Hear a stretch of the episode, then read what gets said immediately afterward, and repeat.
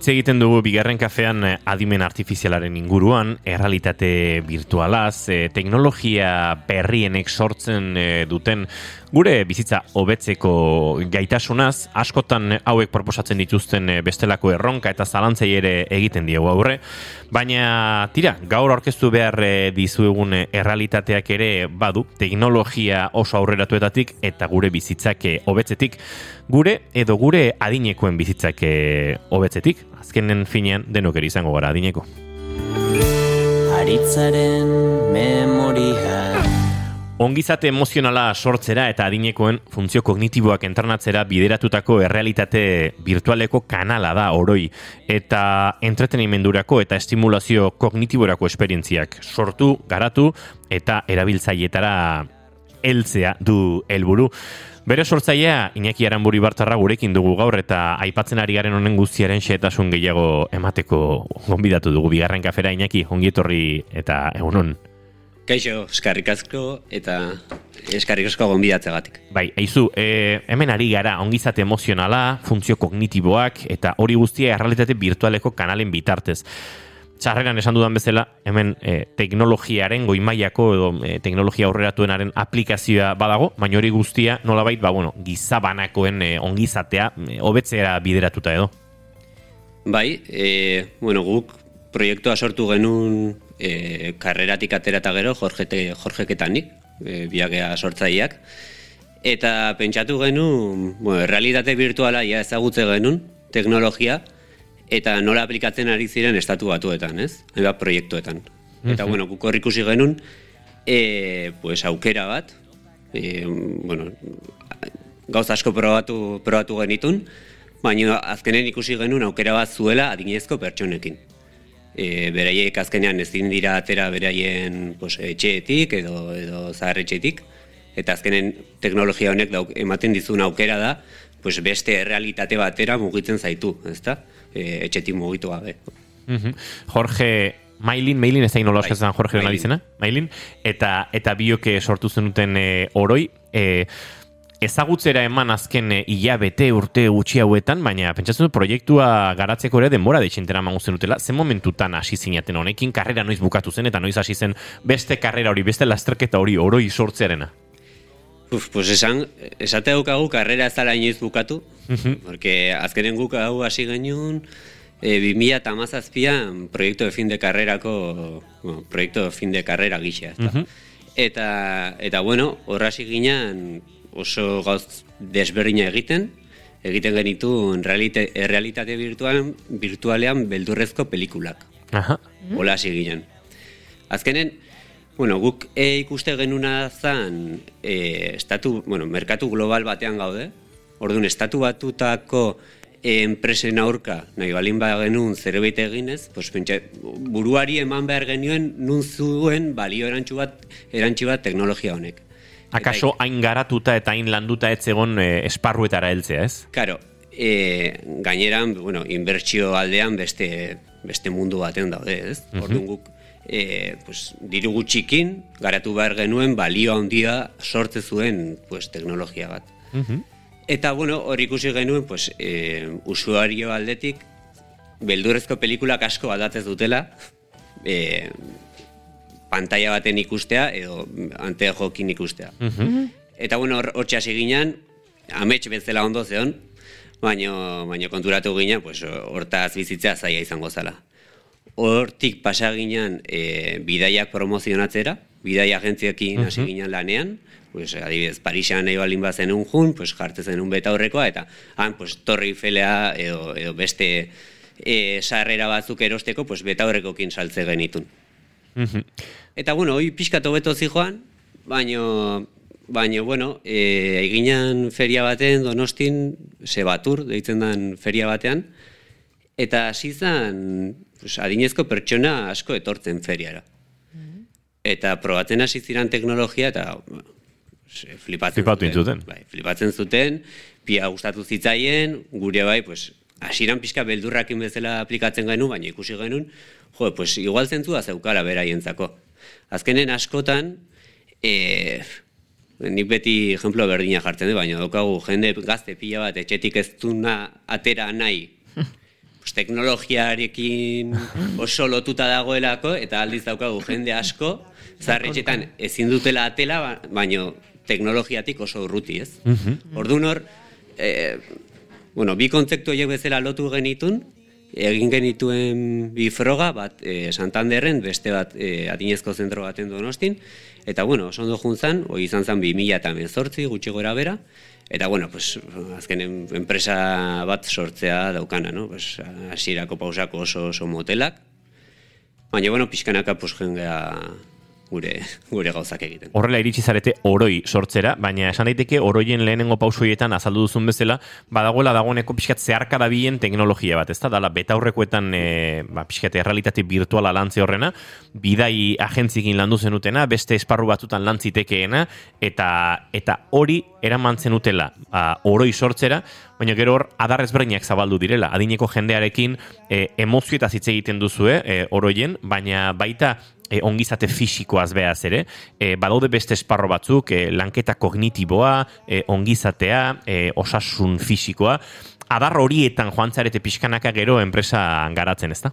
Bai, hori da. Bueno, e, gaur egun dauzkagu hiru aplikazio, oroi Wellbeing, oroi Cognitive eta oroi Fit izango zana. Mm Bueno, Wellbeing azkenen ba, ba, ongizatea sortzeko, erabiltzen dugun aplikazio izango zen, esan deguna, ez? Pues azkenen e, zu etxean zaude, edo adinezko zentroan zaude, ezin zera atera, orduan, hortik ateratzeko aukera bat ematen dizuegu. Ez bakarri leku eta juteko, baizik eta zure pues, bizitzan izan dira momentu horiek gogorarazteko era bat bezala. Adibidez, e, pues, e, lana edo afizia gualin bade dituzu, adibidez, oain hitz egiten ari zaretela e, e, zinatela bai, piraguari buruz, eta piraguazko ere esperientziako badituz, baditugu, uh. eta, bueno, izango zen lehenengo aplikazio. Eta barkatu, inaki, hor, sortzen duzuena da, e, plano subjetibo moduko bat, alegia, e, erabiltzailea, pertsona adineko hau, pirago baten barruan egongo litzatekenaren perspektiba lortzen duzu betorreko je jantzi, eta bera,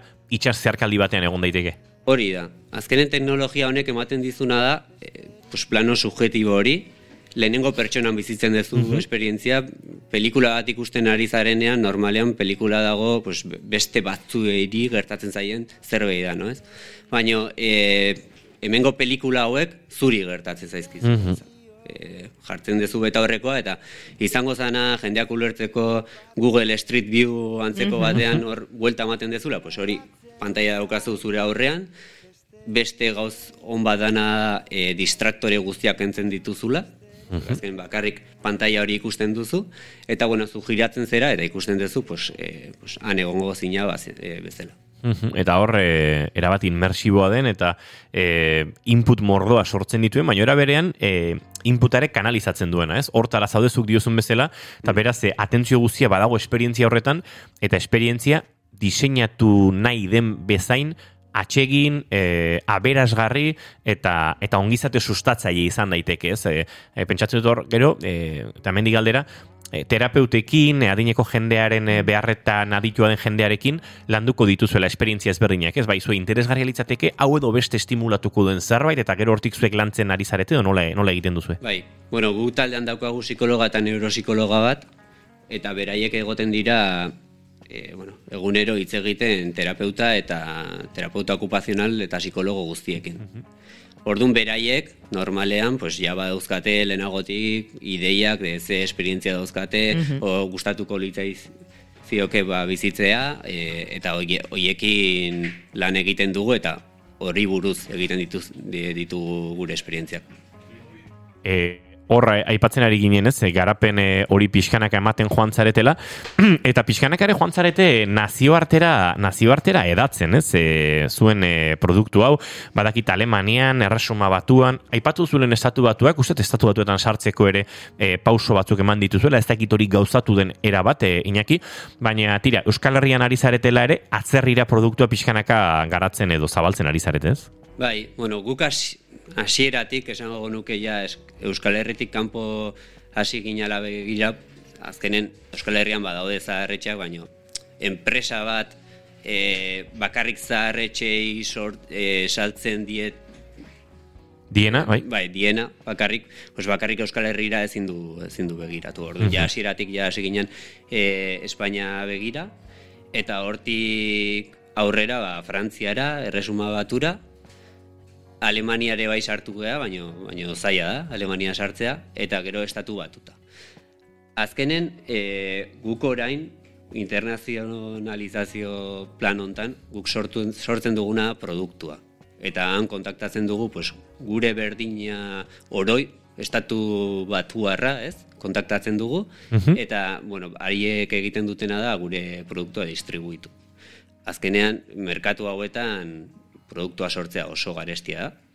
Bueno, ez dakit entzun dezuen, baina programadoreak azkenen estatu batuetan hemen baino hiru o lau aldiz gehiago kobratzen dute eta eta produktu hoiekan sortzea oso zailak dira. Aldiz guk hasieratik ja genukagun filosofia bat e, denbora guztian produktua sortzen o Netflix antzeko bat, ez, sortzea denbora guztian edukia edukitzeko e, gure plataforman. Ordu nila betero, eduki berriak sortzen ditugu, eta horrekin ebai egiten duguna da gure plataforma beraztu. Menari gara, streaming bitartez jarraitzen gaituztenek ikus dezakete e, oroi e, aplikazio, oroi produktu honen e, bueno, ba, bideoa, batetik erabiltzaileek nola erabiltzen dituzten beta horreko modukoiek, baina beste momentu batzutan, lehen aipatu dugun, ba, izan piragoa, izan bizigetan donostiako e, kaleetatik barrena, ba, ba nola, nola ibil daitezkien, eta pentsatzen dut hemen, bestelako, bueno, ba, konexio batzuk ere sortzen direla, ba, memoria lantzeko orduan, ez, azkenen kognitiboki lantzea aipatzen denean, askotan hori izango da, ez, e, memoria landuta, ba, hor e, kognitiboki konexio batzuk lortzea edo edo bestelako lanak egitea zineki? Bai, gu hasieratik ja hasi ginenanen bizitak egiten eginezko zentroetan ikuste genuna da zan, e, estimulazio kognitiboa pues bueno, e, era askotan era oso rudimentario baten egiten zala. Pues, fitxakin, edo, edo puzlekin, batzutan era oso infantil batean ere, esango genuke. Eta, eta aldiz, e, realitate virtualen ikusi genuna zan aukera bat genuela, pues, eguneroko bueno, guretzako normalak diren eguneroko gauzoiek dirua atera bankutik edo supermerkatura joan eta erosi. Pues hoiek prestatzea bezala. Entrenamentu gisa edukitzea plata, gure plataforman, hor prestatu era pues, egoki batean eta gero ja benetan e, pues, kanporazoa zenean horri erronka horiek egitera, pues, ja prestatuta egoteko. Iñaki, garapen hau gauzatzerakoan, enpresa guztia gauzatzerakoan, aipatu dugu internazionalizazioa, beste merkatuak topatzea, ferietan ere aritu zarete bideonetan. E, zein dira Euskal Herrian enpresa bat e, garatzen ari den, teknologia enpresa bat garatzen ari den e, e, enpresa batek topatzen dituen e, laguntzak? E, badakit esprirekin elkarlanan aritu zaretela, e, ez dakite zein da gure testu ingurua horrelako ekintzaile e, proiektu batean murgildu nahi duen norbaitentzat? Bas, galdera oso interesgarria, porque azkenen gu beti prestatzen gaituzte beste ejemplo batzukin, estatu batutako ejemplo bakin. Ez, pues, startup bat sortzea zoaz, eta beti daukazu liburu bat, esaten dizuna nola, pues, gizon batek San Francisco sortu zuen enpresa bat, eta, bueno, lortu zuen, pues, merkatua jatea, ez? Mm Azkenen gure testun gurua oso desberdina da, e, gure esango nuke pues, alde guztietan, merkatua, merkatua azkenen, eske guazen ja Euskal Herritik ateratzea, Espainia txikia da. Mhm. Europa hasi bertzera hitz egiten, eta Europan sartzeko herrialde bakoitza bere hizkuntza, bere kultura du, Frantziara ezea jungo e, frantses batez balin badaukazu, e, bueno, mm merkatu aldetik, azteko, e, ja bueno, ez dut pesimista izan nahi, baina... Mm Merkatua txikia da. Bai, txikia da. Herri txikia gara, eta, e, bueno, estatura begira ere, Frantziar estatua eta Espainiar estatua ere, e, nahiko txikiak dira, akaso horrelako asmo hondiko proiektu baterako, ez? Orduan gure lehenengo erronka izango zen, ja, pentsatzea, pues, merkatu global baten. Uh bai, hizkuntza aldeti dauzkagun erronka guzti hori, pues, kendu, traduzitu soportea eman hizkuntza guzti horietan, izango zen lehenengoa, eta horretarako ze behar dugu, pues, seguraski dirua, inbertsioa. Eta da gure bigarrengo erronka, ez? E, hemen sort, geroz eta gero sortzen ari da, hori, pues, mentalidade hori, inbertsio startupetan pues, inbertitzeko mentalidade hori, baina oraindik ere asko dago garatzeko. Eta, mm, eta bueno, azkenen, pues, e, kompetitu behar dezu beste estatu batu tako enpresa hoien aurka. Orduan, zer daukagu balio erantzi bezala? Gertutasuna, eta nire ustez pixka bizkorragoak izan behar gara. Eke diru gutxi daukagun, behintzat bizkorragoak izan, eta, eta bueno, horrekin, gure kasuan behintzat, zerbait dugu, eta, bueno, hemen Euskal Herri mailan enpresa asko daude, pues, teknologia erloan oso garrantzitsuak direla munduan. Uh Así que bidea badago. Baina bai egia da, e, igual, sortu beharko zirela hemengo kaso exito izatu izango direnak, ez? O jendeak hemen idatzi beharko zuen pixka bat nola dan Euskal Herritik sortzea. Erreferentzia tasun hori ez lotzea. Bestela, gure referentzia pixka desfokalizatuta daude eta bidea ez da berdina. Aipatu duzu eh, San Franciscoko kasu mm. hori eta horre teorian e, gauza asko erakusten dira, ezta? E, elevator pitch e, kontzeptu hori askotan e, maniatzen da, ba, bueno, e, zera, dirua lortzeko, dirua duen horbaiti hurbildu eta bapatean zure proiektua kontatzearena, ez da gure realitatean horrelakori gertatzen den, finantziazioa nondik nora lortzen hasten den, beste enpresa enpresetan e, baote den, ez? E, Euskal Herri mailan horrelako e, bueno, feria txikirik, e, startup e, bilkurarik eta horrelako punturik, ba, ba hasi berria den, akaso zuen kasuan ja proiektua sendotuago dago, baina duela urte batzuk asten ari zen momentu horietan, horrelako lekurik e, baote dago, horrelako espaziorik baote dago. Badaude, badaude, gainea orain geroz eta gehiago daude, e, diru laguntzare bai geroz eta gehiago ateratzen adiri dira, Eta oain nire ustez pix garatzen ari da ere, hemen fondoak daude, baina finanziazio pribatua ustez falta dela pixka bat gehiago. E, azkenen geroz eta fondo gehiago sortzen ari gira, baina pixkat, finanziazio pribatua mugitzen da azkenean, e, pues ja, e, exito bat atera danean, ez? Mm Orduan, dauzkagu exito guztiak atzerrian, atzergira begira, dena da, pues, ezagutzen dugu, pues, Apple bat, Facebook bat, edo edo zein startupa, Baina, karo, behar dugu gure kaso de exitoa, hemengo finanziazio pribatua, pues, pixkat mugitzeko, ez? jakiteko hemen ere aukera hori dagoera. Zuen buruan badago eta hau e, etzegoen ere buruan galdetzea, baina e, hemen iken bost pasei urtetara kaso zuek izatea beste proiektu batzuk bultzatuko duten e, proiektu hori? Noski, noski, bueno. E, nik uste denak, hemen ongean, gauden denak, ikusten diogula, ez, aukera hoi, kasu argi badago, ez dakit mm, Bizkaian tiket biz, ez dauten mm -hmm. guain e, atletiken presidentea dana, mm beraiek egin zuten bere exita, saldu zuten bere enpresa, eta orain, pues, bereste fondo bat e, egin dute. Nik uste denak ulertzen dugula. Ez, ez, ez da bakarrik, ez, de, ez dezagun ulertu era altruista batean bakarrik, ez? Aukera bada, eta azkenean da, e, pues, negozia egiteko aukera on bat. Mm. Orduan, e, nire ustez, bueno, ni behintzat, exito edukeko banu, pues, gure buruan badago e, hemen... Beste proiektu batzu gauzatu, bultzatu, eta eta noski, eta e, bultzatze horren atzean interes ekonomikoa dago, eta, eta ziegira, dirua jartzen da, dirua lortzeko e, enpresa giroan, horrela... Eske, bakarrik, era altruista batean ikusten badugu, niretzako bideo horrek, ba, bukaera badauka. Mm -hmm. Ba, Iñaki Aramburu, e, oroi proiektuaren e, sortzaileetakoa eta eta gaur gurekin ba, hemen e, bere sozio Jorge Mailin ez dagoen, bere ekide, baina berarentzat ere, ba, ba zorionak jarraitu gogor proiektu e, gauzatzean eta eskerrik asko gaur gurero hor bildu eta tira, hain interesgarria den proiektu bat eta proiektu baten prozesua e, kontatzeatik. Eskerrik asko zuei. Gauza kaldatzen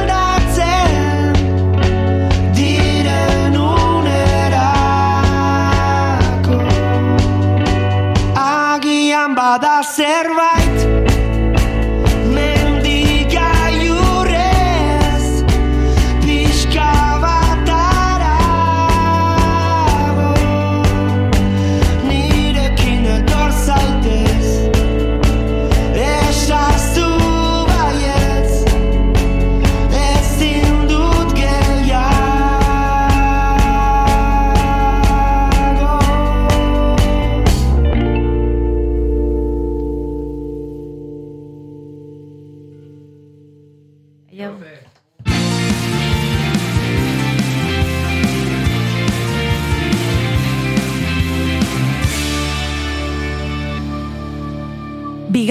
ez direlako beti okerragoak, bigarren kafea.